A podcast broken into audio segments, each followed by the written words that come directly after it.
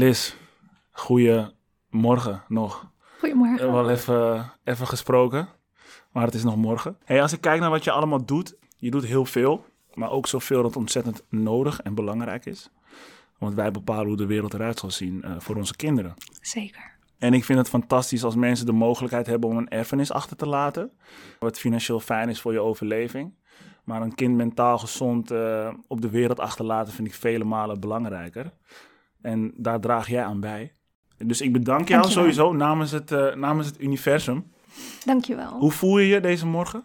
Um, ja, goed. Geïnspireerd en al super fijn voorgesprek gehad natuurlijk. Dus Ja. dat, uh, ja, dus we zijn al even geland. Van, Dat hey. belooft wel goed. Ja, ja, ja. Leuk, leuk, fijn. Ik ben in Purmerend, niet jouw geboorteplaats. Nee. Maar daar zullen we het zo nog even over hebben.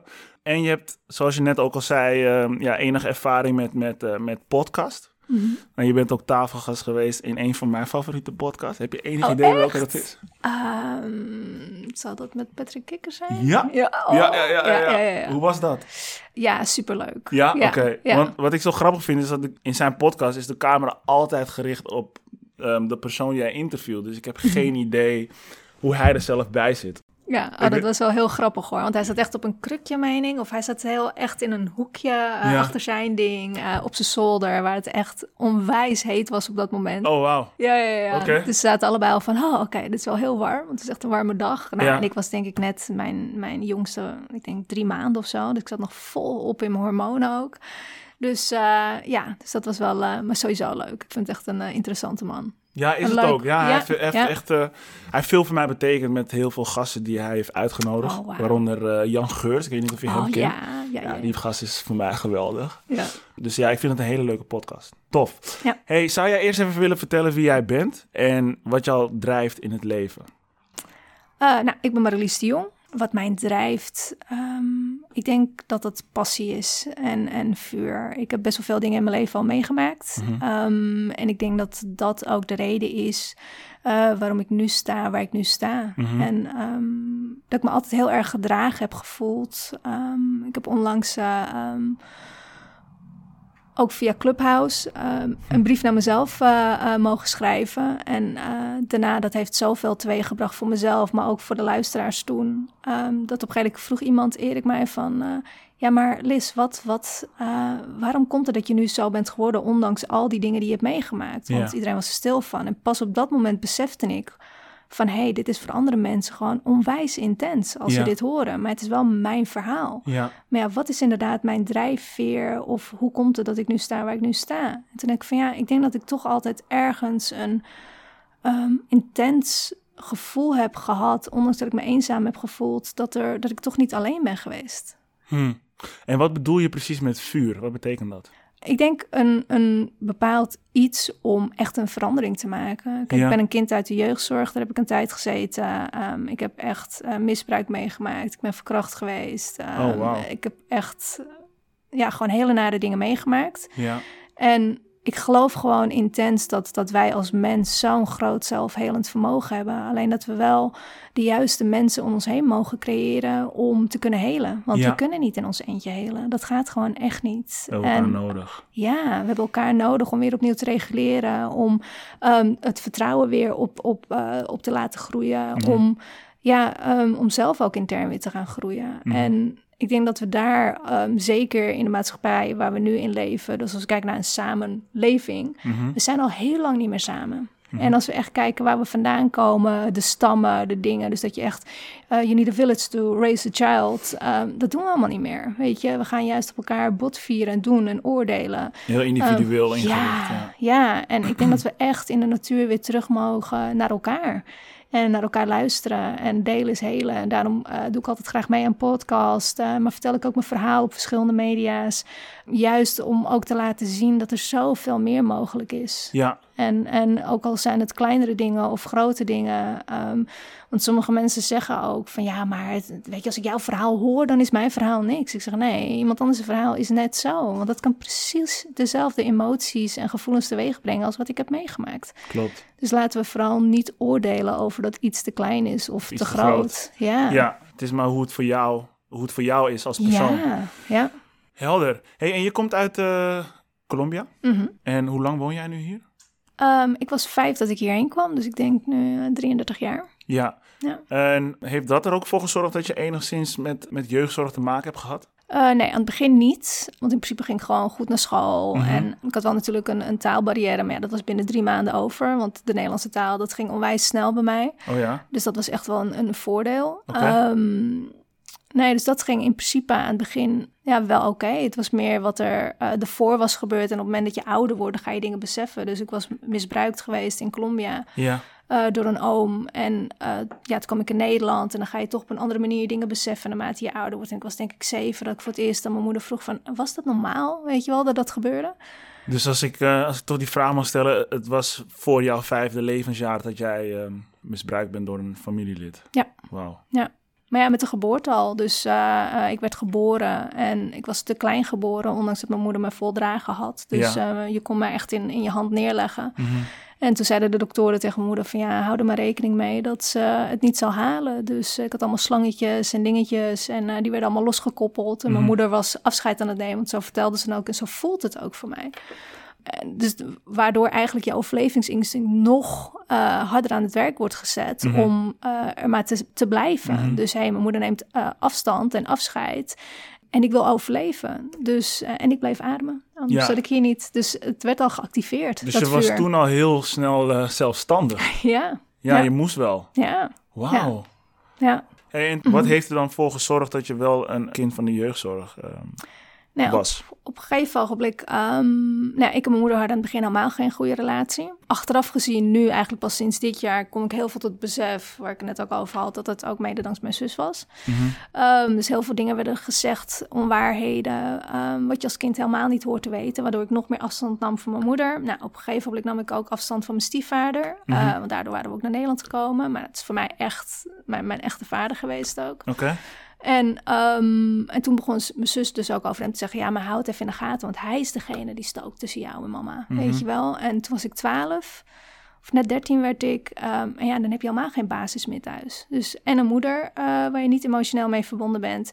eh, en een vader waarvan je dacht van... hé, hey, eh, wij zijn echt vier handen op één buik. En dat wordt ook in één keer verstoord. Mhm. Ehm, dus ja, toen kwam ik ook in de puberteit. Dus de hormonen begonnen ook. Mhm. Ehm, en toen werd ik ook verkracht. Mhm. En ja, en dan begint in één keer een heel andere, een andere wereld. Ja. Dus je gaat naar de hogere school en dat is gebeurd. Nou ja, dan kom je in aanraking met roken in eerste instantie. Ja. Eh, ja, en dan ga je steeds verder eigenlijk erin. Want ik wilde alleen maar weg van huis zijn. Ja. want dat voelde niet meer veilig. Ja. En eh, de straat werd mijn veiligheid, zeg maar. Ja. Ja. Ja, dus als ik het goed begrijp, werd je ook constant ehm, misleid. Mhm. Is dat het juiste woord dat Ja. ik ervoor kan gebruiken? Misleid. En Ja. dat heeft, ehm, heeft dat een, een flink effect gehad op je zelfbeeld? Onwijs, Hmm. onwijs. Want je hebt natuurlijk, weet je, als kind wil je gewoon geliefd zijn door je ouders. Ja. En van gehouden. En natuurlijk weet ik dat ze dat in de kern echt wel deden. Ja. Ehm, maar niet op die manier lieten zien waar ik zeg maar behoefte aan heb. En op het moment dat mensen je dingen vertellen ehm, wat niet juist is, dan Ja. ga je er ook zelf een ander beeld bij creëren. Mhm, mhm. Weet je, als onwaarheid. Dus, ehm, en gelukkig heb ik daar echt mijn moeder nu allemaal gesprekken over gehad en is dat helemaal hersteld. Oké. Dus daar ben ik super dankbaar voor. Ehm, maar ja, dat heeft echt wel jaren geduurd ook. Weet je wel? En dat is zo van belang dat, ja, dat we als kind gewoon leren om echt op ons eigen gevoel te geloven. Want Ja. ergens weet je het, maar kan je het niet plaatsen omdat je brein het gewoon niet kan bevatten. Is dat dan niet je intuïtie dat dat weer hersteld moet worden? Denk ik ja. dan. Nou ja, dat je daarin mag geloven. En je Ja. kan het zien als dat eh, je kind naar je toe komt en die zegt, oh, er zit een monster onder mijn bed. En jij Mhm. als ouder zegt van, ja, maar er bestaan geen monsters. Voor het kind is dat monster echt. Echt. Ja. Weet je, en die voelt gewoon op dat moment echt iets. Ja. Weet je, op het moment dat we zeggen dat het niet bestaat, dan zorgen we ervoor dat ze afstand nemen van hun gevoel en intuïtie. Ja. Inderdaad, ja. Inderdaad. Dat vind ik wel een hele interessante. Ik vind het gewoon heel bijzonder om te zien dat wij als ouders die de emoties van onze kinderen niet juist reguleren, wij zorgen voor die trauma's eigenlijk bij onze eigen kinderen. Ja, Onbewust denk ik dan, Mhm, hè? tuurlijk, tuurlijk. Dus daar valt ook heel veel eh, te Uit leren. leren. Ja, Ja. dat is echt mijn missie. Ja. Dat is echt mijn missie om ouders uh, weer op een goede manier te leren. En niet alleen ouders, hè, gewoon wij als mens Ja. Uh, Ja. weer opnieuw te leren reguleren. Want het zijn niet alleen de ouders. Ik werk ook op het onderwijs. Mhm. En daar zie ik het ook Mhm. gebeuren. Ja, en dan ja, zijn sommige jonge meiden en mannen nog geen ouder. uh, maar die kunnen ook nog niet zo goed reguleren. Want dat hebben ze ook weer meegekregen. Ja. En, maar ze zitten wel, onze kinderen, voor het grootste gedeelte voor een klas. Ja.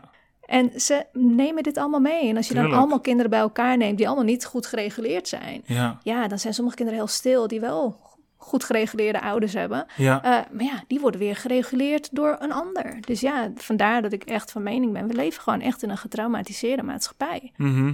En daar mogen wij uh, als mens de verantwoordelijkheid voor nemen. Ja. Ja. Ik, hebben we niet altijd geleefd in een getraumatiseerde maatschappij? Um, ja.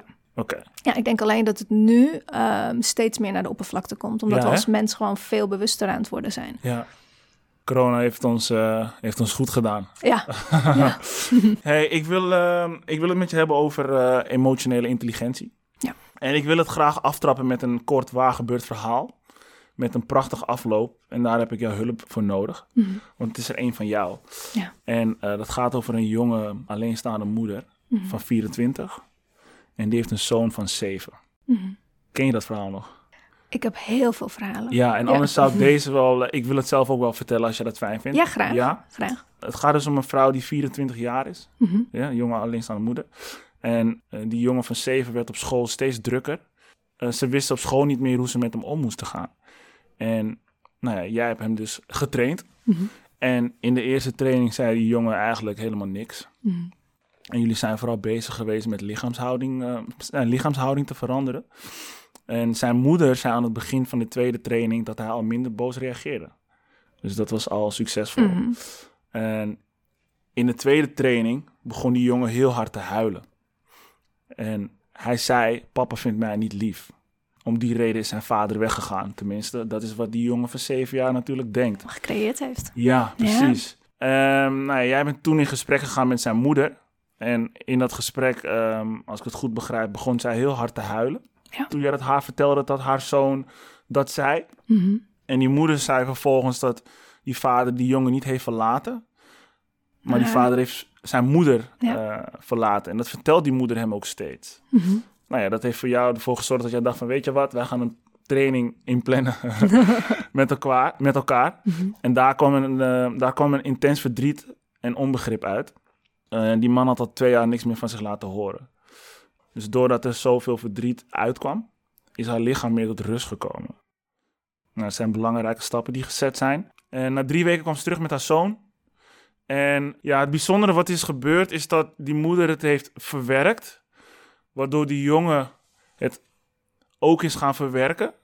En dat heeft ervoor gezorgd dat hij wat rustiger en knuffeliger is geworden.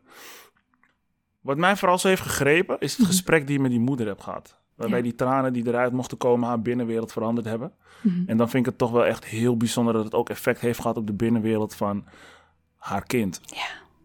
Kan jij vertellen hoe dat werkt? Zeker, zeker. Ja, en zeker als ik kijk naar deze casus. Het, um, het mooiste wat gebeurt hierin is dat het kind neemt het letterlijk over. Dus um, uh, de zintuigen van een kind zijn onwijs sterk. Dus ja. uh, het is wat ze zien, het is wat ze horen, um, het is wat ze voelen, maar ook wat ze ruiken. En Sterker dan die van volwassenen? Zeker, ja. Ja, ja, ja, ja. want uh, als we volwassen worden, dan worden die zintuigen wat meer beperkt door onze eigen gedachten mm -hmm. en uh, door onze emoties die we allemaal hebben opgebouwd. Mm -hmm. En uh, als kind zijn, dan kun je dat nog in je brein niet verwerken, die gedachten helemaal. Ja. Um, dus dan leef je gewoon veel meer vanuit je intuïtie en vanuit je gevoel. Mm -hmm. En hij ervaarde de gevoelens van zijn moeder Mhm. als eigen. Dus, um, dus toen, ook, toen ik met haar in training was, toen was hij juist zo verdrietig, omdat hij ineens weg was. Mhm. Weet je wel, omdat zij het niet kon beseffen dat, um, dat het zo was. Dus hij heeft echt oprecht dat gezegd van ja, maar hij heeft hem niet verlaten. Hij heeft mij verlaten en dat deed haar zoveel pijn. Maar omdat hij dat zo ook ervaarde en voelde, Mhm. voelt hij zich dat als eigen. En op het moment dus dat zij zoiets heeft van hé, hey, maar inderdaad, um, je mag in het rouwproces komen. Mhm. Van um, um, mensen kunnen dat gewoon doen. Weet Mhm. je wel? alleen het heeft helemaal niks met haar te maken wel. gehad. Ja, Ook niet met haar. ja. Weet je wel, dus daar, want toen gingen we natuurlijk uh, persoonlijk wat dieper erop in. En toen kon ze ook het besef krijgen, het ging ook helemaal niet om mij. Weet je wel? En daardoor kon ze het ook weer een plek geven. En tuurlijk doet het verdriet, maar dan mag je in een rouwproces terechtkomen. Dus daarna kwam in één keer die boosheid. Van ja, Mhm. maar hallo, zo ga je niet met me om. Mhm. Ehm, ehm, en zo kan je dus ook door het genezingsproces heen gaan. En omdat zij dat deed, die jongen met zijn zintuig denkt van... hé, hey, mijn moeder die is dat aan het oplossen. En hij kreeg ook in het besef in de trainingen van... hé, hey, maar dit is helemaal niet van mij, dat gevoel. En ja, ik ben verdrietig omdat ik hem niet zie en ik mis hem. En dat mag ook. Weet je wel, dat dat er ook mocht zijn. Dat hij Mhm. je mag missen. Want dat was ook natuurlijk eh, door boosheid, dat, dat, dat iemand je verlaat...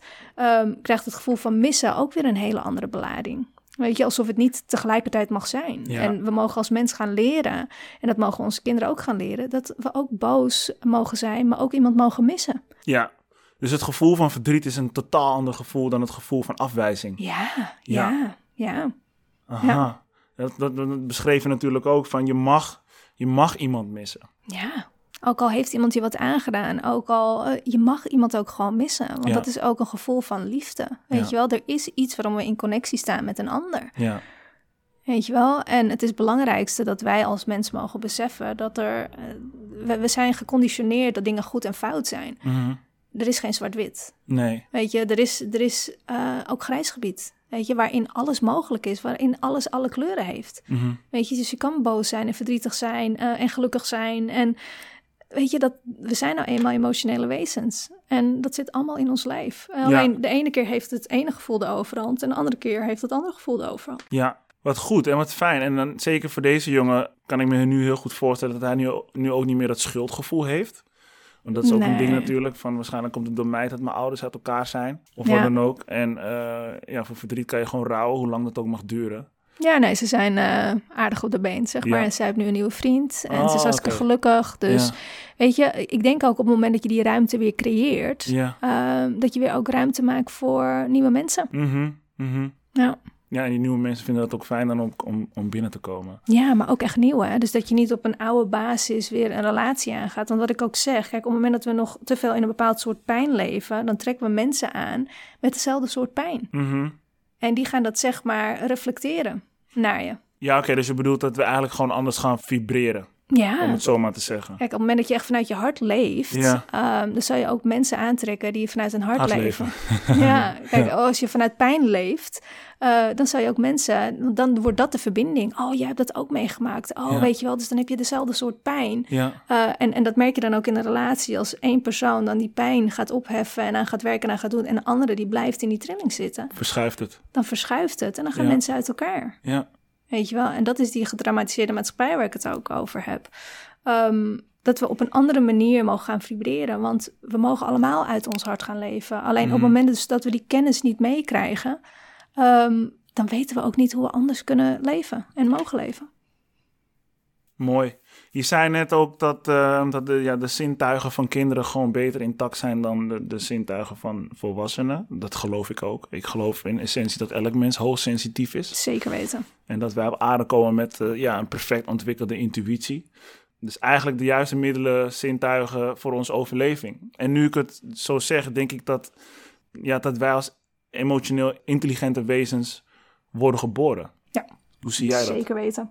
Als je kijkt ook, en dat is wel een mooi voorbeeld. ehm, als, als een baby net geboren wordt, en dat had ik ook met mijn dochter. Mhm, Toen kwam het besef nog meer. Dus ja, Mhm. ik heb drie jaar borstvoeding gegeven. mhm. En ehm, Drie jaar, dat, daar hadden we Ja. net al over. Maar drie jaar horen Ja. we niet heel vaak. Nee, nee. Nou ja, het, het, het was heel mooi omdat je een hele andere verbindenis aangaat. Mhm. En voor sommige moeders is het ook niet mogelijk, weet je wel. En, en dat, dat vind ik dan ook wel weer. Dus soms kan het ook gewoon niet.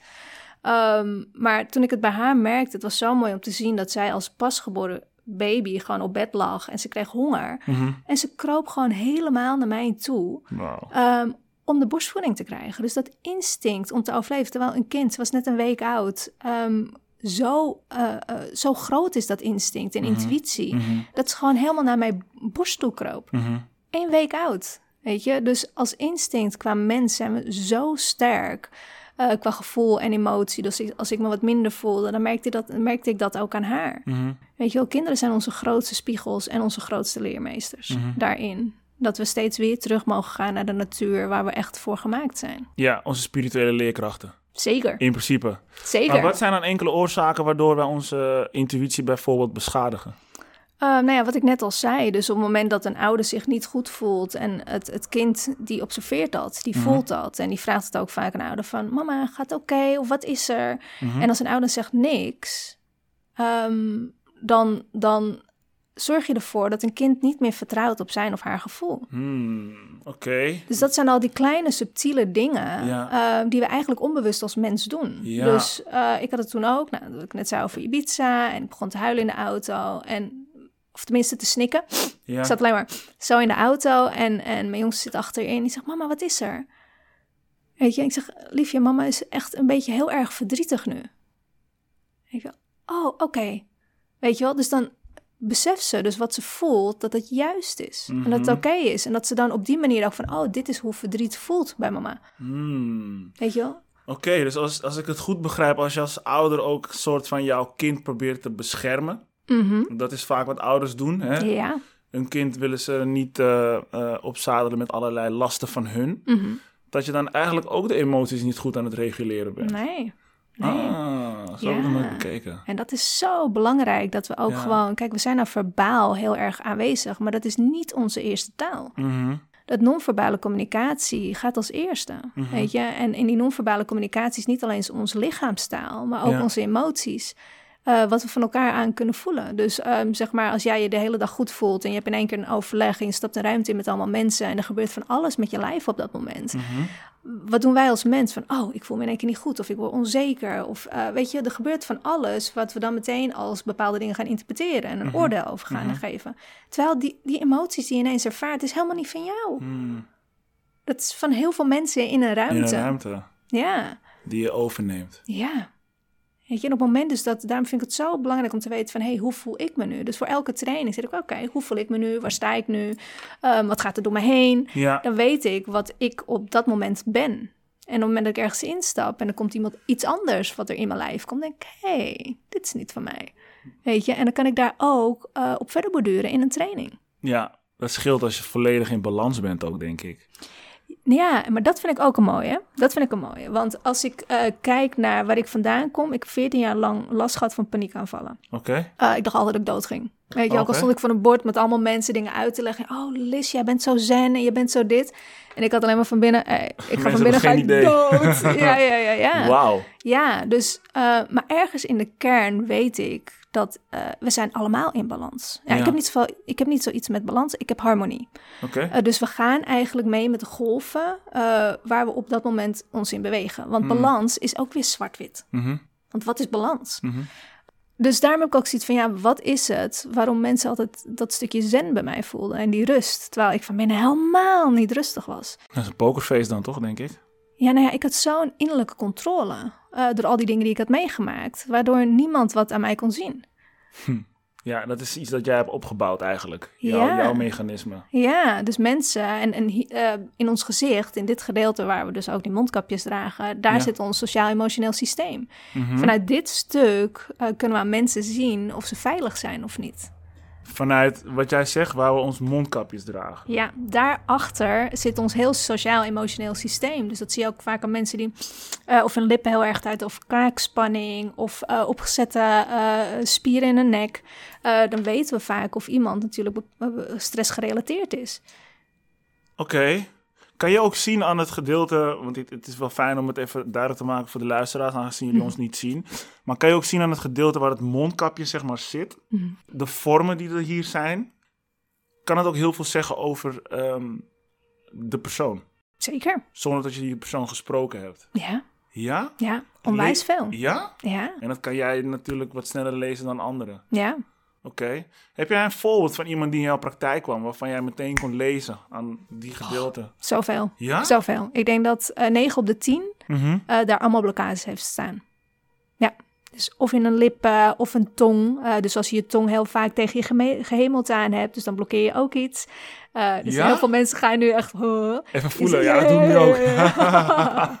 dus kijk, op het moment dat je je tong rustig hebt in je mond, Ja. dan ben je veel meer ontspannen. Op het moment dat ik zeg van, hé, hey, ontspan je kaken even. Weet je, waar zit het? Zit het op slot? Zit het dicht? Of ben je meer ontspannen? Voel je spanning in je lippen of bij je neus? Ehm, heb je spanning bij je kaken? Weet je wel, of ben je iemand die s'nachts heel erg knarsertand of kaken op, op slot hebt zitten?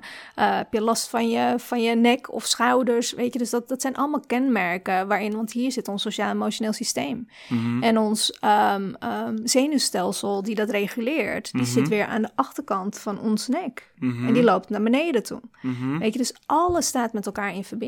Mhm. En, maar dit is het eerste gedeelte ehm, waar blokkades in komen. Dus als je ook kijkt naar eh, mensen met Asperger of autisme, ehm, daar zie je dit vaak heel erg ehm, gespannen staan. Weet je, er Mhm. zijn ook heel veel studies in bezig en daar ben ik zo blij mee, want ik ben echt zo'n fan van de polyvagaaltheorie. Mhm. Ehm, De polyvagaal-theorie. ja, ja, dat is van Dr. Steven Porch. Ja. En ehm, hij heeft dus al heel lang doet hij studies naar ons sociaal-emotioneel systeem Mhm. eh, eh, als mens. eh, naar de, poly- de vagaal ehm, is eigenlijk de zevende, zwevende zenuw. Ehm, die echt van ons oerbrein, dus achter onze nek, helemaal langs onze ruggraat naar beneden loopt. Mhm. En die heeft allemaal uittakkingen in ons hele lijf. Mhm. Dus ook als je kijkt naar chronische ziekte of dergelijke, eh, dan zal je altijd 9 van de 10 keer zien dat daar ons zenuwstelsel in uitmondt. eh, en dat daar eigenlijk de energie gestaakt is. Dus op het moment dat we trauma meemaken, dan gaat onze vechten, vluchten of verstarren aan. Mhm. We verstarren allemaal. Dus op het moment dat er iets gebeurt, ook al hoor je een harde knal of wat dan ook, zal je altijd merken dat je lijf dit doet. Dat is het, e- ja, oké. Dus dat is, Dat dus is het- in principe is het eerste wat je doet is verstarren. Ja, en dat zien we ook altijd in onze trainingen. Eh, dus dan gebeurt er iets. Het eerste wat men doet is dit. Maar de manier waarop je verstart is ook weer verschillend per persoon. Mhm. Dus zoals bij mij, wat ik zeg, ik was heel controlerend. Bij mij ging mijn lichaam niet aan. Bij mij was het echt alleen maar boem. In één keer dat mijn kin iets naar achteren ging van oké, ik ben nu alert. Mhm. Weet je, maar de rest van mijn lichaam was zo strak gespannen. En waarin voor sommigen het vluchtmechanisme, dat is echt heel interessant, dat kan ik niet vaak genoeg vermelden.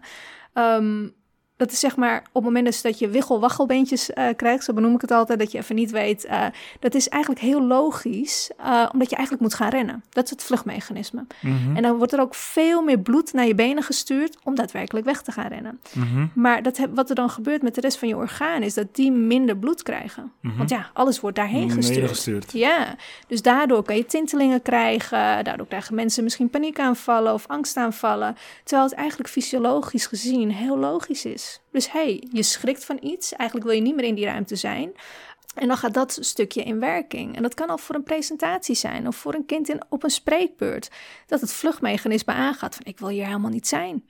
Dus dat denkt je gedachte Mhm. of je lijf geeft dat aan. En dan gaat het helemaal in werking. Mhm. Maar op het moment dus dat we dit soort dingen al aan onze kinderen zouden leren, dan wordt het logischer. Van hé, hey, mijn vluchtmechanisme gaat aan. Weet Dit is waarom ik eh, zo Ja. eh, reageer. Ja, en denk hé, hey, en hoe kunnen we dat gaan reguleren? En kijk, en bij jongens en bij mannen gaat eerder het vechtmechanisme aan. Mhm. Weet je wel, dus op het moment dat er iets gebeurt en je verstart en je hebt zoiets van hé, hey, ik moet mezelf gaan verdedigen, ja. eh, daar komen de mannen eerder in. En de jongens. Daarom hoor je al bij jongens ook veel meer dat, dat ze eerder in een agressieregulatiestoornis komen dan meiden. Meiden komen eerder in, in een paniekstoornis. Heeft dat, dat die, die, die, die, die vecht, Het vechtmechanisme. vechtmechanisme, Ja. heeft dat ook niet te maken met je mannelijke en vrouwelijke energie? Zeker. Want als jij een vrouw bent die heel hoog zit in haar mannelijke energie, Mhm. dan kan die vechtmechanisme ook aangaan. En als je een man bent met die heel hoog zit in zijn vrouwelijke energie, Ja, denk ik krijgt ook. dat. Ja, Ja, want als ik kijk naar mezelf, ik, ja, zover ik weet ben ik volgens mij nooit een echte man geweest die heel veel mannelijke energie heeft gehad. Mhm. Ehm, ik heb best wel wat vrouwelijke energie en ik ben geen vechter. Nee. Dat is echt het, het, Mhm. laatste waar ik zin in heb. En dat Mhm. is altijd zo geweest. Ik ben Ja. nooit een vechter geweest. Mhm. Dus het heeft ook echt enigszins te maken met ehm, Zeker weten. wat voor energie je in je draagt. In je draagt, maar ook hebt meegekregen. Mm. En eh, als ik kijk, ik ben juist weer echt een man. Mhm. En ik heb, eh, ben een Nederlands jeugdkampioen karate geweest een aantal keer. Dus bij mij zit het vechten er al in. Maar ja, ik ben geboren als een vechter. Dus Ja. ik moest al overleven. Dus bij mij staat dat mechanisme stond al aan. Meteen, ja. Maar daarnaast had ik ook paniekaanvallen. Weet je, dus ik geloof ook echt, eh, als je dan het over balans hebt, Mhm. dat al die dingen ook gewoon in je systeem kunnen zitten. En ook tegelijkertijd. Mhm. Dat is wel heel veel kennis die je moet hebben om, om de emoties van jouw kinderen goed te kunnen reguleren, zeg. Ehm, nou ja, meer kennis over jezelf. Want ehm, ik denk dat dat het belangrijkste is. Want ik reguleer weer anders dan dat jij reguleert. En wij reguleren weer anders dan de luisteraars. Hmm. Uh, en dat is voor iedereen weer persoonlijk. Dus Mhm. op het moment dat, dat er een uh, klap is van iets, Mhm. um, zal, zullen sommigen tegen het plafond aan zitten en anderen zullen zoiets van, oh, nou, er is vast wel iets die relati relativeren dat weer op een andere manier. ja. Dus de kennis over jezelf is het meest belangrijke. En eigenlijk is die kennis, uh, dus wat ik net zeg, heel logisch te maken en begrijpbaar te maken. Alleen op het moment dat we dit niet meekrijgen op school, ja, dan groeien we op eigenlijk zonder dat we dit meekrijgen. En onze ouders ook niet. Ja, dus in principe wil je dit ook gewoon implementeren op school. Zeker. Ja. Ja, ja dan krijgen we echt een hele andere maatschappij. Ja. Hoe, hoe groot denk je dat de kans dat dat gaat lukken? Uh, ja, de meeste mensen zeggen, maar ja, maar Liz, het gaat niet lukken in je eentje. Ik zeg, nou, daarom heb ik een aardig team om me heen staan. Mhm. Um, die dit ook allemaal willen. En ik Mhm. geloof echt, want dat bewustzijn wordt steeds groter van de mens. Um, ik heb zo'n 15.000 volgers ruim op LinkedIn, Mhm. waarvan het grootste gedeelte leerkrachten zijn, jeugdhulpverleners, gedragswetenschappers. Um, en, en die volgen dit ook allemaal. Dus Ja. daarom probeer ik zoveel mogelijk mee te geven. Ja. Um, zodat zij dat ook weer op hun manier kunnen doen. Ja. Dus ja. Nee, ik, gel- ik geloof ook erin dat... dat in, in jou geloof ik sowieso. En in het team ook. Dankjewel. Alleen ik zit wel te denken van ja, je moet wel andere partijen ook meekrijgen Mhm. hiervoor. En ehm dan zijn er natuurlijk ook partijen die, die ehm, ja, heel veel denken aan Het de economie. Mhm. Ja. Bijvoorbeeld. Mhm. Ja, wat zal het doen met de economie als, als dit wordt geïmplementeerd op school? ja. Is dat wel wat we willen? Ik denk bijvoorbeeld dat eh, ehm, een kapitalist heel goed gebruik maakt van het feit dat wij ons lichaam niet goed genoeg kennen. Mhm. En op het moment dat wij dit gaan implementeren op school, heeft een kapitalist heel weinig aan ons. Nee, maar ja, als hij dan echt zo is, dan kan hij weer iets anders bedenken.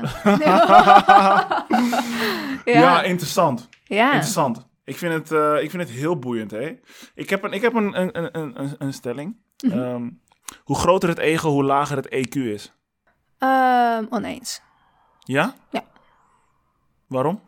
Ehm, nou ja, zoals ik al zei, al die dingen kunnen met elkaar samengaan. Dus op het moment dat ons ego al heel groot is. Kijk, op Mhm. het moment dat ik met allemaal mannen in een ruimte ben en die hebben een hoge positie ook, Mhm. dan zet ik mijn ego in. Mhm. Ja, dus dan gebruik ik mijn ego Mhm. eh, om het ook te laten voelen. Dus ik gebruik vanuit elk stuk eh, wat ik ken. eh, dat houdt niet in dat mijn EQ dan naar beneden gaat. Die wordt ook op dat moment alleen nog maar verder uitvergroot om te kijken van wat er om me heen gebeurt. Die snap ik. Maar het is niet zo dat jij het ego nodig hebt voor jouw overleving.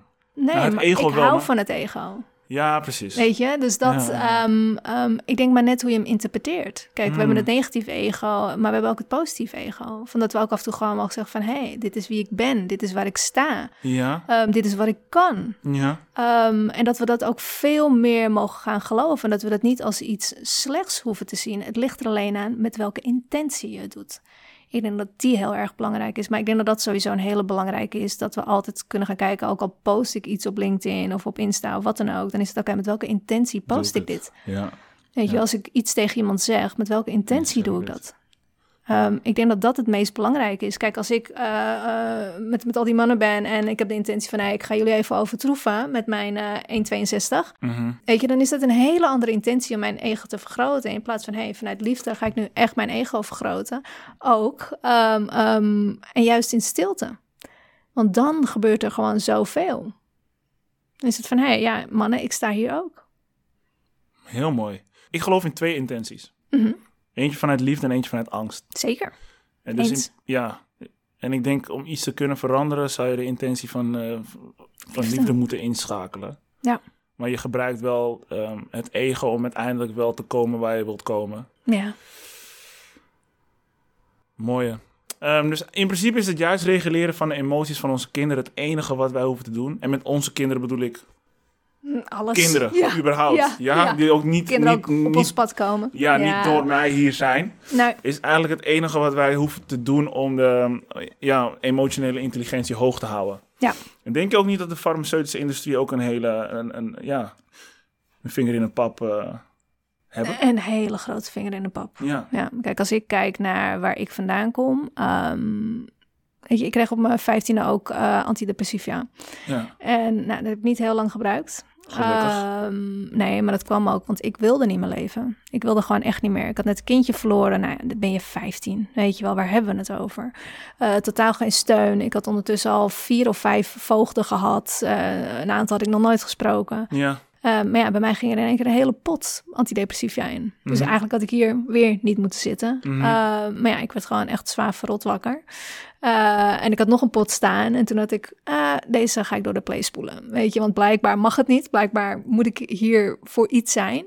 Het werkt Ehm, niet, bedoel je Het werkt niet. Ja. Nee. En, um, en ik denk dat ik toen 31 was. Ja. En toen kreeg ik in één keer een brief van mijn huisarts omdat het, ik, ik weet niet meer welk ziekenhuis het was, maar in ieder geval groot ziekenhuis, het, het, het VU of AMC, ik weet het even niet. Um, of zij even mogen kijken wat er nu met mijn lijf gebeurt, op het moment dus dat ik weer dezelfde vorm van antidepressiva in mijn bloedbaan gespoten kreeg. En dan zou ik ondertussen onder de MRI gaan, Ja. om te kijken wat het met mijn hersenen doet. Mhm. En dat was voor mij echt alleen maar wederom weer de bevestiging van, we zijn allemaal testratten. Want ze weten het niet.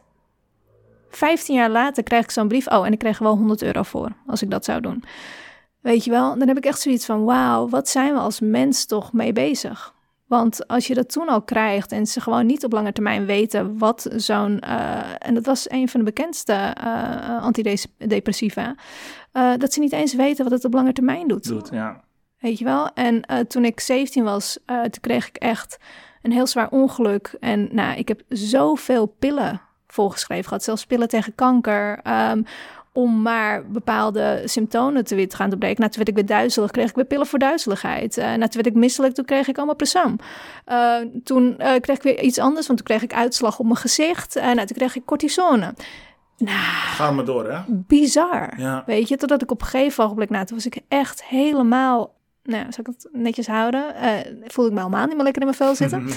uh, en toen heb ik alles afgezworen. Toen heb ik gezegd van ja, maar dit kan niet. Valium, dingen. Nou, ik had gewoon een hele medicijnkastje vol op mijn negentiende. En toen heb ik zoiets van ja, maar dit kan nooit de bedoeling zijn. En de zorg wist gewoon niet uh, wat ze met mij aan moesten. Dus, en dan had ik al, al heel veel trauma's gehad waar ik geen hulp voor kreeg. Ook niet van mijn voogden die ik allemaal heb gehad. Um, en daarna krijg ik ook nog doktoren die dan niks met je afweten en van alles maar proberen um, af te sturen naar andere mensen. Nou, had ik echt ook al, ik denk, elf of twaalf verschillende therapeuten gehad. Uh, fysiotherapeuten, uh, manuele therapeuten. Nou, die wisten het ook allemaal niet. Um, weet je, en dan is dat niet de oplossing. Totdat ik de goede tegenkwam. En die ging een totale anamnese doen van mijn lijf. En die keek me echt aan van meid, dat jij nog überhaupt kan lopen naar binnen. Nou ja, dat was voor mij het moment, en dat was ik volgens mij 24, 23, 24, ja, dat ik ineens echt in elkaar stortte. Want zij zag me. Maar ja, toen begon de volgende hel, want toen moest ik gaan revalideren pas na zes jaar. Ja, uh, dus zeg, zij was de enige persoon die jou zag van al, al die doktoren. Alle kanten. Ja, Ja. ja. want als ik bij iedere bij een fysiotherapeut kwam, dan kwam ik met nekklachten, of dan kwam ik weer met mijn schouderklachten, of dan kwam ik weer met rugklachten. En wat deed zij? Zij ging gewoon mijn hele lijf uh, uh, in kaart brengen. Van ja, oké, okay, waar zitten al je klachten? Waar heb je allemaal last van gehad? Nou, zij ging gewoon uh, alles na. Nou ja, toen zei ze ook van ja, dit wordt wel echt een revalidatieproces. Want je ribben moeten weer rechtgezet worden. Je ruggengraat, er staat een 2S-vorming, die moet rechtgezet gaan worden. Al mijn kleine spieren deden het niet meer. Mijn heup moest meerdere keren rechtgezet worden, want die klapte steeds weer terug. Ik Ja. moest opnieuw leren lopen, weet je wel. En toen had ik zoiets van ja, hoe kan het dat al die mensen ervoor dat allemaal niet gezien hebben?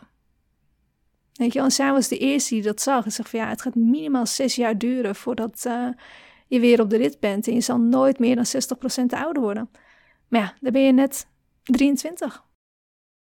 Wat fijn dat je haar tegenkomt. Ja, ja. En ik, ik weet natuurlijk niet of al die andere mensen daarvoor het niet gezien hebben. Of doen alsof ze het niet gezien hebben. Dat zou ook nog eens kunnen, dat weten we niet. Nou ja, we zijn, we zijn heel erg gericht op uh, waar een mens op dat moment voor komt, in plaats van te kijken naar de totale anamnese van een persoon. Ja, precies. En dat is zo van belang. Dus Ja. een huisarts heeft maar 10 minuten om jouw klacht te behandelen. Mhm. En uh, in plaats van te kijken van, goh, hoe gaat het emotioneel met je? Ja. Weet je wel, uh, wat heb je allemaal meegemaakt? Ja, En om dat allemaal in kaart te brengen. Dus um, ik denk dat het heel erg van belang is. Want als je ook kijkt in een ziekenhuis, heb je allemaal doktoren en artsen die gespecialiseerd zijn op een punt. mhm.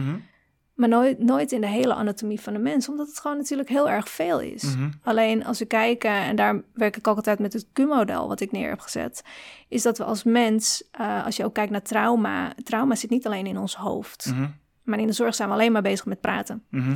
Uh, dus als we gaan kijken naar een persoon, dan mogen we ook gaan kijken van hé, hey, maar hoe gaat het emotioneel met je? En wat heeft dat te maken ook met die trauma? En hoe zit het met je lijf? Wat gebeurt er met je lijf als je aan dat trauma denkt? Maar ja, goed, hoeveel weten dat? En eh, kijk, als je kijkt naar de studie alleen al, geneeskunde, Ja. ja, krijgen heel veel mee over medicijnen. Maar hoeveel krijgen ze bijvoorbeeld mee over voeding? Ja, Dat Ja. is een, eh, en dat zou misschien heel bewust belangrijk. of onbewust zijn, dat ze Mhm. dat eh, misschien wel of niet meekrijgen. Maar ik kan me heel goed voorstellen dat als een huisarts elke cliënt gaat aanraden om Gezonder Ehm, te eten. gezonder te eten, dat hij binnen no time zijn baan kwijt is. Ja, ja. Want mensen komen niet terug. Ik hoef niet terug te komen. Waarom?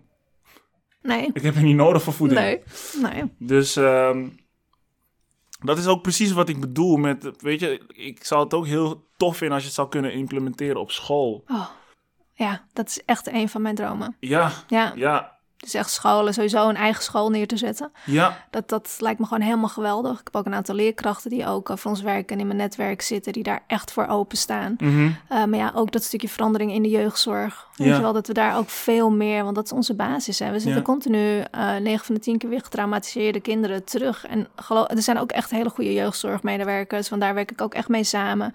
Uh, dus ja, er zijn goede, maar die zijn nog steeds minder um, dan weet je, er gebeurt nog steeds hetzelfde. Na Mhm. 25 jaar dat ik eruit ben. Ja. Weet je, ik zie nog steeds dezelfde soort verhalen. Ik zie nog steeds dezelfde soort kinderen. Ik zie nog steeds dezelfde soort getraumatiseerde mensen die uit de jeugdzorg komen. Zie ik hier komen. ja. Ik hoop dat je dan eh, daadwerkelijk voor die verandering zou kunnen zorgen. Ehm, dus in principe kan je fysieke en mentale klachten gewoon linken aan een gebrek aan emotionele intelligentie. Um, aan het begrijpen ervan. Ik denk dat het echt gaat om onszelf te begrijpen ook. Mhm. Dus het begrijpen waar onze klachten vandaan komen, hoe dat ontstaan is, um, waar het door gekomen is. En um, daar veel meer op mogen vertrouwen. En dat er ook zoveel verschillende soorten geneeswijzen zijn. En om te kijken welke bij jou resoneert. Ja. Ja, dat vind ik ook een goede. Ja. Wat vind je van um, het feit dat wij een, een, een holistische uh, een therapeut Mhm. een um, alternatief noemen? Um, huh, daar heb ik een mening over. Okay, um, delen? ja, het gaat meer om het feit als je kijkt naar hoe bijvoorbeeld antibiotica is gemaakt. Kijk maar in de beschrijving. Dat Ja. is gemaakt vanuit uienextracten, knoflookextracten. Ja. Uh, het is allemaal vanuit de natuur zijn heel veel dingen gemaakt. Oké. Okay. Dus uh, als eerste um, is dat de basis. Mm Mhm. -hmm. Alternatief is het begin. Mm -hmm. Dat is wie wij zijn. En um, ja, de andere kant, het reguliere geneeswijze. Ik ben onwijs blij dat het, is, dat het Mhm. er is, mm -hmm. maar voor nood.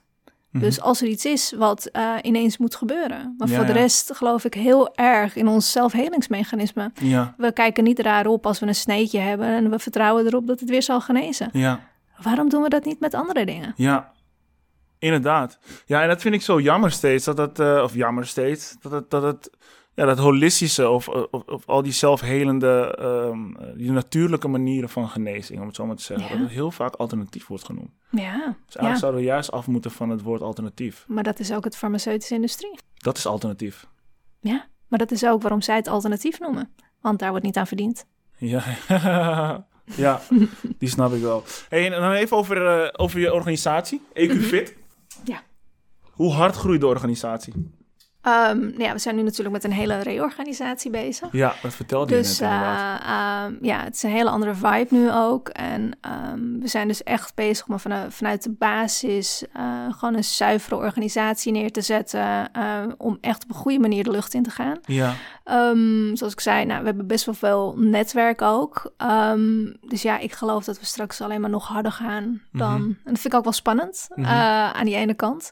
Uh, maar ja, ik geloof echt dat we, dat we straks als een raket gaan. Want mensen worden veel bewuster. Uh, mensen die willen ook echt iets anders. Mhm. Mm -hmm. het, het grappigste van de mensen is, is dat we de onrust altijd ervaren... omdat we zo snel willen genezen. Maar we geloven niet in magie. Mhm. Maar we willen wel in die magie geloven dat we heel snel iets op kunnen lossen. Mhm. Want daar hebben we geen geduld voor. Mm. Weet je wel? Dus, um, en ik geloof ook dat zorg veel sneller kan. Ja. Maar wel samen. Ja. Weet Ja. je? En ik denk dat dat het belangrijkste is. Ik denk Ecofit is een hele grote toevoeging op de markt. Daar ben ik ook heilig van overtuigd. En tuurlijk, ehm, ja, weet je, ik, ik schop al jaren tegen bepaalde schenen aan. En dat zal ik ook blijven doen. Maar ook voornamelijk vanuit mijn eigen ervaring. Mhm. Van wat ik zie, van wat ik vroeger heb gezien, maar ook wat ik nu nog steeds zie. En ehm, gelukkig heb ik ook steeds meer ambassadeurs en cliënten die ook zoiets hebben van ja, je moet daarheen. Je moet niet naar de zorg gaan. Ehm, want ja, vaak als je de zorg in komt, dan kom je er ook niet meer zo makkelijk uit. Nee. Want het is altijd of een pilletje of een dit of een dat of extra Ja. therapie of daarheen of wat dan ook. Ja, maar de zorg wordt wel vergoed eh, en jullie niet. Eh, weet je wel, dus er wordt altijd wel iets eh, natuurlijk erachter gedaan. Maar ja, daarom gaan we nu ook het anders in, erin gooien. Ja, en ga ik ook echt met de groep SKJ-partners aan de gang om echt de jeugdzorg in te gaan. Jullie willen SKJ? Prima, dan krijg je SKJ. En dan zorgen we er op een andere manier voor dat we wel die kinderen en die ouders kunnen helpen. Weet je wel? En dat zeg ik ook altijd, sometimes you need to use the system to break the system. Hmm. Dan eh, doen we dat. Ja. Mijn eerste intentie was altijd om een systeem ernaast op te bouwen. Oké. Ja, dat hebben we op den duur wel gedaan. En eh, nu heb ik eigenlijk zoiets van, ja, het moet toch van binnenuit. Wat bedoel je met een systeem daarnaast? Eh, dat mensen een keuze hebben. Dus dat Hmm. ze ons konden vinden ook. En ehm, weet je, dus dat we hiernaast eigenlijk ook een systeem hebben van... joh, het kan veel sneller. Ja. Ook mensen die al jarenlang in de zorg za- eh, zaten... die konden ineens eruit. Ja. Ehm, maar ja, op den duur, al die mensen die in de zorg zitten... maar ook eh, de jeugdhulpverleners en andere hulpverleners...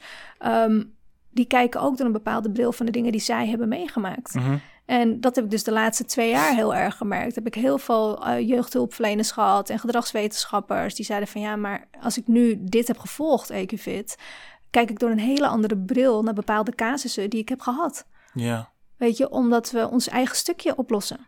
Ja. Weet je, dus we kijken altijd door een bepaalde bril van de dingen die we hebben meegemaakt. En dat gebeurt in de zorg en dat gebeurt in de jeugdzorg. En daarmee eh, wordt eigenlijk onze mening ook heel erg beïnvloed. Dus ik geloof echt dat we dan echt van binnenuit mogen gaan werken, zodat we echt objectief naar de ouders en gezinnen mogen gaan kijken. Mhm, Anders hou je het alleen maar in stand. Ja. Wat is er nodig om eh, een EQ-fit trainer te worden? Dat zeg ik, ik wil een EQ-fit trainer worden. Wat moet ik daarvoor doen? Ehm, ja, in eerste instantie eh, zeg ik altijd, maak je, doe je een kennismakingstraining. Want Mhm. dan eh, onderga je het zelf. Ja, Eh, en dat vinden we altijd heel erg belangrijk, omdat je dan ook weet of dit iets is wat bij je past. uiteraard. Voordat je een investering doet. Ja. En daarnaast, ja, leer je jezelf ook op een hele andere manier kennen. Mhm. Weet je wel? En wij zien ook, wij zien altijd meteen in de eerste training wat voor een persoon we tegen ons, tegenover ons hebben. Ja, en dat vinden we gewoon heel erg belangrijk. ja, dus je moet ook gewoon... het is confronterend. Aha, ja. Ook als trainer, om, ook om trainer te worden, ja, kom je in een fase dat het gewoon confronterend is. zeker weten.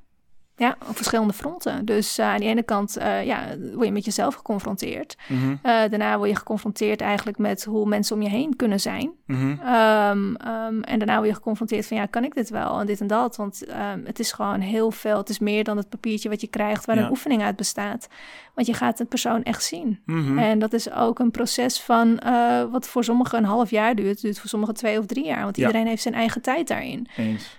Weet je wel? En ik denk dat, dat we dat ook altijd wel mogen waarborgen. Van iedereen heeft zijn eigen tijd ook daarin. En ik heb ook mensen gehad die vorig jaar een kennismakingstraining hebben gehad. En nu aankloppen van oké, nu, nu ben ik wel eh, klaar om te gaan starten. Nou, misschien nog niet helemaal klaar, maar eh, nu kan ik het aan. Ik wil een start maken. Ja, weet je wel. En, en heel veel mensen zeggen ook, ja, maar zie je, ik loop hier allemaal tegenaan. Hoe kan ik dan een ander helpen? Ja, En dan zeg ik ook altijd van, nou, als ik dat had gedacht, dan had ik hier ook niet gestaan. Ik zeg, want voor mij is het leven elke dag nog een proces vanuit Mm. liefde. Ik zie dingen als een cadeautje, ja. weet je wel. En die cadeautjes zijn niet altijd leuk. Het liefst brengen ze dan terug. Maar ja, soms moeten we ze gewoon aangaan. zeker. Ja. En uitpakken.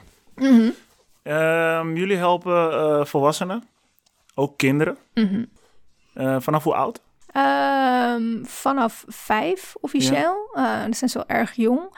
Mijn jongste is 3,5. Maar ja, dan ga ik veel meer de andere kant op. Dus meer de holistische kant op. Ja, dat, Eh, dat Mijn jongste is vijf maanden. Als ik kijk vanuit Senior is Me dan. Eh, ja, dus dan, dan ga ik helemaal terug naar, naar de bron. wel- Wacht even, wacht even, wacht even. Hier moet het even over hebben. Want jij zegt, jouw jongste is in principe vijf maanden. Als je kijkt vanuit Sen You Is Me. Ja. Dat moet je even toelichten. Uh, ja, Serious Me is mijn eenmanszaak daarnaast, Mhm. eh, wat ik altijd eh, heb gedraaid. En eh, dat is echt meer vanuit eh, de holistische kant, echt compleet. Mhm. Dus ehm, wat je voelt en ervaart eh, en dat je daar ook echt op mag gaan vertrouwen. Dus Mhm. toen ik eh, dat jochie van vijf maanden eh, ook kreeg, en toen kwam die vrouw bij mij... En niemand wist zich raad mee. Want zeg, nou, de doktoren zeggen dat er niks is en eh, dat het aan mij ligt. En, ehm, maar ja, ik nam dat jongetje gewoon vast. Ik zeg, Mhm. En hij stopte met huilen. Mhm. En toen keek ze me aan, maar hij stopt nooit met huilen. ik zeg, ja, maar ik ben gewoon aan het voelen. En hij voelt dat ik voel wat er is. Ehm, daarom zeg ik non-verbale communicatie. Dat is onze eerste communicatie. Ja. Niet, niet wat we verbaal doen. Want verbaal kunnen we zoveel zeggen Mhm. wat niet de waarheid is. Mhm. En eh, toen zei ik ook tegen hem, je mag nog een keer naar de arts gaan. Ze zei, ja, maar wat dan? Ik zeg, nou ja, hij heeft gewoon echt iets met zijn longetjes. Mhm. En toen is ze teruggegaan met de second opinion bij een andere arts. En die kwam erachter dat hij bronchitis had. Mhm. En chronisch. Mhm. Dus dat was al heel snel gegaan. En eh, toen kreeg hij bepaalde medicijnen. En hij heeft nu dan, het was daarna ontwikkeld tot astma. Het is echt al, ik denk nu 15 jaar terug. 23 jaar, ik was heel jong. Dat was een van mijn eerste cliëntjes ook. En ja, en ze zegt nog steeds, ik ben zo dankbaar ervoor dat je dat zei. Want ik begon als moeder onwijs aan mezelf te twijfelen. Want ik wist wat dat er met hem was. Maar iedereen zei dat het aan mij lag. Pijnlijk, hè? Ja, maar Heel dat is wat er continu gebeurt. Ja. want dat was ook voor mij, ehm, ehm, en dat is mooi natuurlijk voor de mensen die steeds op je pad komen, eh, worden dingen weer belicht van jezelf. Maar ik heb hetzelfde meegemaakt met mijn zoon. Ik wist 100% zeker dat hij kinkhoest had toen Mhm. hij twee was. Mhm. En de huisarts zei van, ja, dat heeft hij niet. Ja, wie is de arts, jij of ik? Ja.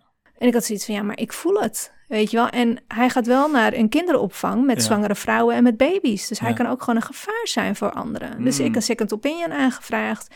En die man die, die, die kijkt erna. Hij zegt, ik ben zo blij dat jij goed gehandeld hebt, want hij heeft kinkhoest. Ja.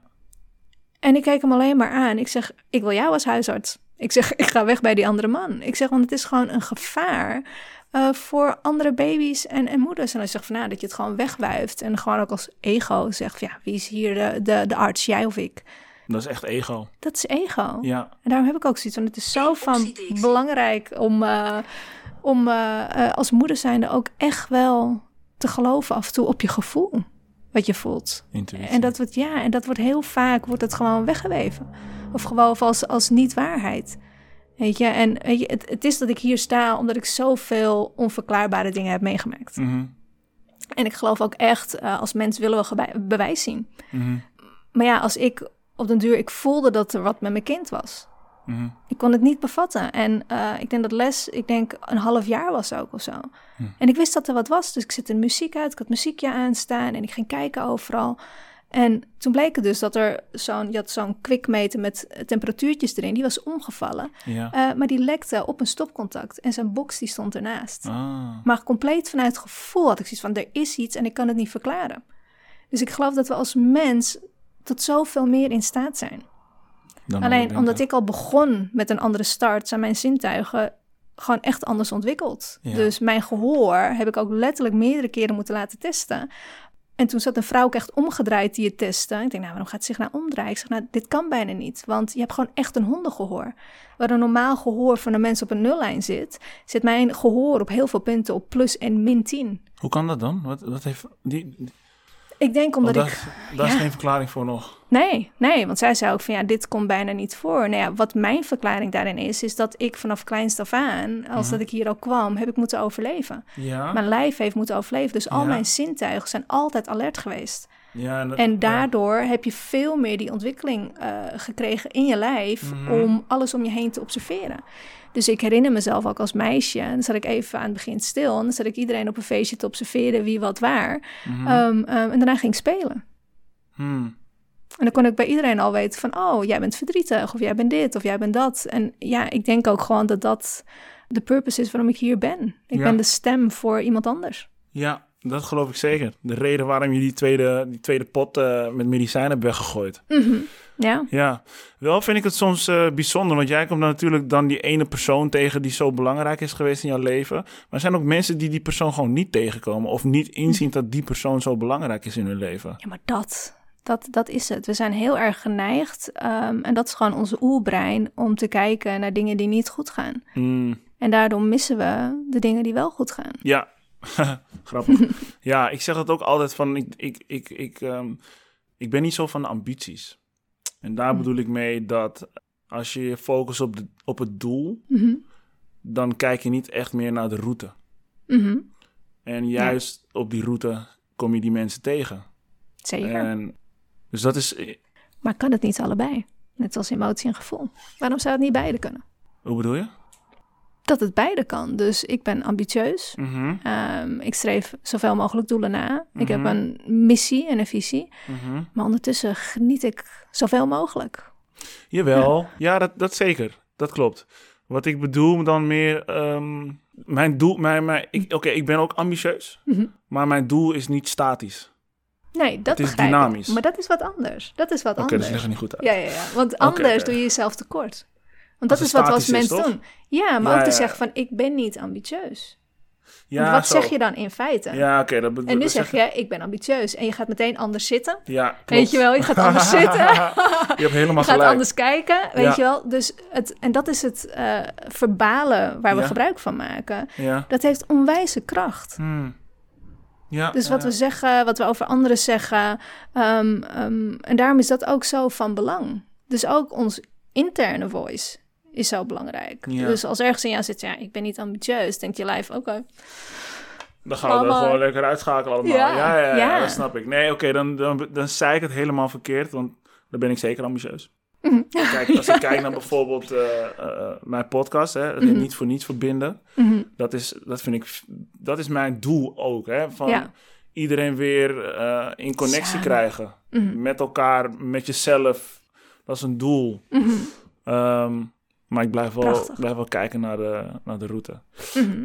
Ehm, ik wil dan ook nog zeggen dat je natuurlijk ook nog ehm, voor organisaties eh, heel veel doet. Dus Mhm. voor volwassenen, kinderen, eh, kinderen vanaf vijf jaar, Mhm. maar ook voor organisaties. Kan je meten of het voor de organisatie succesvol is geweest? Eh, ja, zeker. Zeker, als we kijken, en, en dat vind ik het mooiste, want het is zo van belang. Kijk, we hebben natuurlijk masterclasses, teamuitjes, dat soort dingen. Mhm. Maar dan zijn we in een groep. En dan, Mhm. in een groep zijn we onwijs beïnvloedbaar en laten Ja. we echt niet de achterste van ons stonk zien. Mhm. En het mooiste is als je eigenlijk met elk individu van een team, eh, of het nou een afdeling is of als het onderwijs is, ehm, als individu aan de gang gaat en dan in een groep neerzet, heb je een hele andere dynamiek. Ja. Weet je, en ik denk dat dat de kracht is ook van wat wij doen, ehm, om het op die manier ook in te zetten. Want Ja. masterclasses zijn leuk en natuurlijk haal je er altijd wat uit eh, Ja. voor organisaties en kun je dingen meetbaar maken. Alleen het gedrag van een mens is zo hardnekkig, Mhm. ehm, dat we zeker in groepsvorming terugvallen in een eh, oud patroon. Ja. En daarom is het belangrijk om vanuit het individu te werken en dan de groep in elkaar te gaan zetten. Want dan Mhm. weet je ook wat je aan elkaar daadwerkelijk hebt, maar Ja. echt vanuit jezelf en niet vanuit gedrag. Ja, ja. Ja, wat ik, wat ik, die snap ik. Wat ik ook bedoelde is meer ehm, de, groei van de organisatie. Ja, het wordt anders ingedeeld. Ja, precies. Ja, dus mensen komen op hun positie te staan. Eh, soms, soms gaan ze ook wel weg. Ja, ja inderdaad. En inderdaad. denk, oh, dit is echt niks voor mij. Nee, en ze nee, durven in één keer die beslissing te nemen. Ja, Ehm, weet je, dus je ziet van alles gebeuren. ja, dan Vaak is het ook daarin. succesvol geweest. Precies, Dan ja. is het ook een vind ik wel. Ja, ja. Eh, De sommige, directeur misschien niet. Nee, soms ook wel. Soms zijn ze er heel erg blij mee. En dan Oké. heb je zoiets van, oké, dit is inderdaad wat, wat we voelden of ervaarden binnen Ja. een afdeling of, of binnen de organisatie. ja. Eh, maar ja, ik heb ook wel eens ehm, gehad dat iemand me belde eh, vanuit de organisatie. En zei van, nou, die heeft training bij jullie gehad, hè? Ja, die is nu weg. Ik zeg, ehm, oké. Nou, ik weet niet wat je gedaan hebt, maar ja, nou, eh, de factuur wordt overgemaakt. En die hing weer op. En ik had echt zoiets van, oh. Ik zeg, zal ik het terugbellen dat ze misschien zelf ook een training kan doen? nee, ik denk niet dat dat het moment was. Maar ik snap, Ja. ik snap precies wat je bedoelt, ja. Ja. Je weet gewoon op dat moment, en het, het, het voelt voor jou, het, ik kan me voorstellen dat het voor jou ook niet voelt alsof jouw organisatie het niet goed heeft gedaan. Nee, nee. Je weet gewoon dat, dat die man voor die gewoon- persoon. Ja, voor die persoon was het Ja. goed. Ja, ik zeg, ik denk dat dat het belangrijkste is, want uiteindelijk is het ook goed voor je organisatie. Want als je Mhm. niet iemand hebt die ehm, hard voor de organisatie hebt, dan merk je dat ook in je bedrijf. Ja. Ja. Weet je, ik denk dat dat ook heel erg belangrijk is om ehm, ehm, ja, te meten gewoon bij elkaar. Mhm. Van hé, hey, eh, waar wil ik heen? Waar zit ik? Eh, een evaluatie te doen. Niet alleen een website te verbouwen en je marketingstrategie te veranderen, maar ook te kijken wat heb ik in huis. Ja. Ja. En hoe komen we als mens naar buiten en zit iedereen op zijn plek? Weet je, want als we echt gaan kijken, een poll uh, ergens uit zouden doen van... hey, ben je blij met wat je aan het doen bent? Mhm. Ik denk dat we best wel schrikken met wat mensen zullen... Beantwoorden. Ja, Ja. Ja.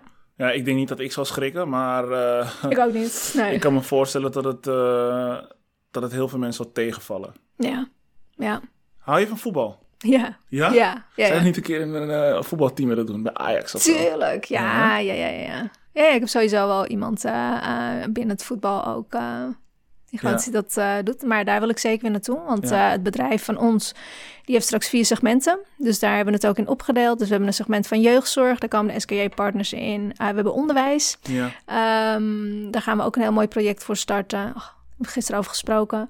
Ehm, dan hebben we eh, topsport en sport. Eh, dus daar gaan we ook eh, echt eh, op richten. Eh, Hm. En hebben we de kidsgedeelte. Ja. Dus ja, dus- Topsport, daar zit ook veel, denk ik. ja, Veel onwijs veel, Ja. onwijs veel. Kijk, Ja. ik heb zelf natuurlijk Nederlands jeugdkampioen karate geweest een paar keer.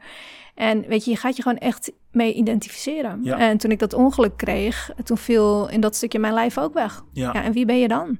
Ja. Weet je wel? En ik denk dat dat zo van belang is, want we zijn heel erg gericht op presteren dan. En Mhm. als we naar school gaan, begint dat al natuurlijk. Eh, Mhm. prestatiedrang, bewijsdrang, eh, geldingsdrang. Ehm, weet je, en dat wordt alleen maar nog verder uitvergroot op het Ja. moment dat we in een, eh, een, een sport op hoog niveau gaan beoefenen. Ja. Dus eh, ja, ik denk dat dat zo van belang is. En ja, ik hou van voetbal. Ik ben, daarom zeg ik, ik heb best wel veel mannelijke energie. Dus ik heb ook al die jaren de jeugd eh, ehm, ehm, van mijn zoon altijd getraind en gedaan. Ook met Oh. schoolvoetbal. Ja, ja. Oké, tof. Dus dat, het was elk jaar weer, oh, gaat u weer? Ik zeg, ja, tuurlijk ga ik weer. Weet je wel, dus dat, ja, dus dat zit ook wel in mijn aard. Maar ja, met heel veel sporten. Ik was altijd wel degene die weer eh, als moeder ook eh, van dansen. Oh, Liz, kan jij even de jongens begeleiden? Of kan jij weer dit even doen? En met judo ook. Van, oh, ik, ik kom wat later. Ga jij even? Ik denk, oh, maakt niet uit waar ik ook was. Ik werd altijd wel in die positie gezet of zo. Ja, ja. Dus een beetje eh, van het competitieve ook wel. Oh, ja, ik wel van. Lekker, hè? Ja, I love it. Hey, ik heb nog enkele vragen om, het, Mhm. om het af te sluiten. En ehm, ik wil graag weten wat liefde voor jou betekent. Wauw. Ehm, liefde is voor mij alles. Oké? Ja, dus ehm, als we het over liefde hebben, voel ik het in elke cel in mijn lijf. Mhm. Ehm, als ik aan liefde denk, dan denk ik aan mijn kinderen. Mhm. Als ik aan liefde denk, dan denk ik aan oprechtheid en zuiver. Hmm. En eerlijkheid. En ik denk dat liefde voor mij betekent dat eh, we dat allemaal bezitten. Alleen door de dingen die we meemaken, ehm, wordt het vaak ondergesneeuwd en vertrouwen we daar niet meer op. Ja. Ehm, dus wat jij ook aan het begin zei, dat is ook echt mijn filosofie. We hebben of liefde of angst. Mhm. En elke dag, elk moment is het een keuze waar jij als mens voor kiest. En Ja. ik zeg niet dat het makkelijk is, maar we hebben wel een keuze. En daar mogen we weer in gaan geloven. Dus dat is voor mij liefde. Prachtig beschreven. ja, echt, echt heel mooi beschreven. hey, en dan zou ik wel een, een ehm, ik zou willen weten welk boek voor jou van grote waarde is geweest in jouw leven. oh, ehm, nou, het, het, het grappigste hierin is, als je bij mij thuis kijkt, en hier ligt er ook een aantal. ehm, ik heb heel veel boeken, Mhm. maar ik heb er nooit eentje uitgelezen.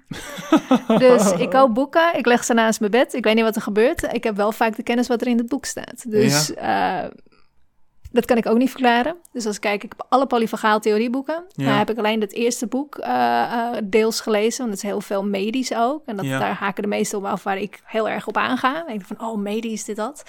Ehm, de enige boeken die ik uit heb gelezen, dat was Twilight-serie. Ja. Is dat een boek die we moeten aanraden aan onze luisteraars? Nou, we het hebben over liefde. Nou ja, ik kan. Ik kan eh, Of afhankelijkheid? Ja, ja. Ook, ook. Ja, het is ehm, ehm, het romantiseren, denk ik ook, van dingen natuurlijk. Hè? Ja, ja, ja, ja, ja. Dus eh, nee, als ik, als ik echt kijk, ik denk ehm, Je kunt je leven helen. Vind ik een heel mooi boek. Van Oké. Louis Heel is dat volgens mij. Oké. Ehm, ik denk dat die wel heel waardevol is. Eh, ik ben het niet overal mee eens. Maar Mhm. ben ik het nooit helemaal. Eh, Mhm. Ik ben altijd wel dat ik heel erg op mijn eigen gevoel ga. Oké. Maar ik denk dat het wel een heel belangrijk boek is om te beseffen wat ons lijf ons vertelt. Ja. Ja, ja, ja. Weet je wel? En dat, ehm, kijk, op het moment dat we niet luisteren naar de situatie waar we in zitten, Mhm. ehm, of als dingen niet goed voor ons zijn, dan gaat ons lichaam schreeuwen. Ja. Weet je, en ik denk dat we daar, wat ik al zeg, het non-verbale communicatie, ook van ons lijf, uh, die vertelt ons veel eerder dingen dan dat we verbaal kunnen uitspreken. Mm. Um, dus ik denk dat dat een van de, van de mooiste boeken wat, uh, wat nu zeg maar in mij opkomt. Daarna een heel oud boek waar, waarbij ik ook niet heb uitgelezen, maar wel de serie daarna heb gekeken. Of tenminste ja. de, de film, dus de Celestijnse Belofte. Sorry? De Celestijnse Belofte. De Celestijnse Belofte. Belofte, ja. Ja, ja. ja. Ik vroeg er maar één, maar goed, ga maar, ja, oh, ja. ga maar gewoon gerust, gerust door. Maar de Celestijnse Belofte. Ja, ja, hmm. ja, en dat, dat gaat echt ook gewoon over een stukje bewustwording. Dus um, ze hebben het in het boek uh, natuurlijk weer anders beschreven dan in de film. Ja. Um, maar dat gaat ook gewoon over een persoon die bewuster wordt van de manier waarop hij handelt. En uh, ook op energetisch gebied. Uh, dat zie je dan weer in die, in die film. Um, ja, ik denk dat we als mens gewoon eigenlijk in wat ik zei, in elke Q mogen verrijken. Dus niet alleen het IQ met boeken, maar ook het EQ, hoe werkt onze emotie, het ja. FQ van hoe werkt ons lijf en het SQ, uh, waar komen we eigenlijk echt vandaan. Hmm. Ja. Hey, dus de conclusie is in principe dat uh, hoe meer wij doen aan zelfontwikkeling, hoe, hoe beter wij elkaar kunnen begrijpen. Nee, ik denk dat het begint bij onszelf. Ja, toch? Ja, toch? Ja, ja. Dat, dat bedoel ja. ik met zelfontwikkeling. Ja, ja en uh, dat je ook gewoon de tijd daarvoor neemt. Weet je, we zijn heel onrustig en we willen alles uh, heel snel. We zijn heel ongeduldig. En als we iets willen oplossen, moet het nu. uh, het liefst gisteren. Mhm. Uh, maar dat we ook gewoon onszelf de tijd mogen geven om te genezen. En uh, op elkaar af te stemmen in verbinding. Ja. En van daaruit het vertrouwen opbouwen dat we eigenlijk al genezen zijn. En dat we heel zijn. Mooi. Mooi, dankjewel. Hey, misschien hebben wij met dit gesprek luisteraars geïnspireerd, eh, geholpen en of inzichten gegeven. Waardoor zij zoiets hebben van ja, ik zou graag in contact willen komen met, eh, met Marie. Of een van de ervaren EQ-fit trainers. Bijvoorbeeld Tim. Ja. ja, Tim is het topper. Tim van Duin, mijn boy Tim. Ehm, maar goed, hoe kunnen zij jou het beste bereiken? Um, ja, dat kan op verschillende manieren. Dus uh, je kan naar de website gaan, eekfit.nl. Je kan uh, mijn naam uh, op Eekfit of op LinkedIn opzoeken. Ik, ik, heb bijna alle social media's. Dus het, het, ja, ik word op verschillende platformen altijd aangesproken. Dus het is maar net... Waar je zin in hebt. Ja. Ja. ja. Oké. Okay. Hey, ik ga je bedanken voor dit gesprek. Marie, ik vond het een, een heerlijk gesprek. Dankjewel, insgelijks. Ja, ik ben ja. zelf ook geïnspireerd. Ik heb heel veel geleerd. Um, en ik hoop de luisteraars ook. En um, ja, ik ben benieuwd sowieso of het, of het een succes kan worden om zoiets ook te implementeren uh, op school. Ja. Um, mocht het voor. zo zijn, ja, dan wil ik je zeker nog wel een keer spreken. -hmm. uh, sowieso zou ik het wel leuk vinden om je nog een keer te spreken, want ik denk Uiteraard. dat wij uh, nog genoeg te bespreken hebben. ja, dat denk ik ook. Ja, ja, ja, ja. Nog maar voor nu ga ik je wel bedanken. Ja, Thanks. jij ook. Ja, Dankjewel dat jij er bent. Ja, graag gedaan. Dankjewel. Verbinden met Roms. Ja, ja, dat was een innoverend gesprek met Marie-Lis de Jong.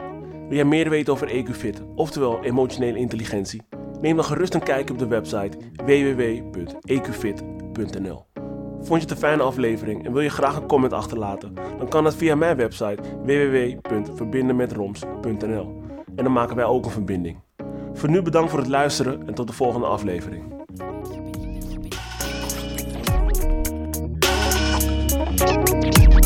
Verbinden met Roms.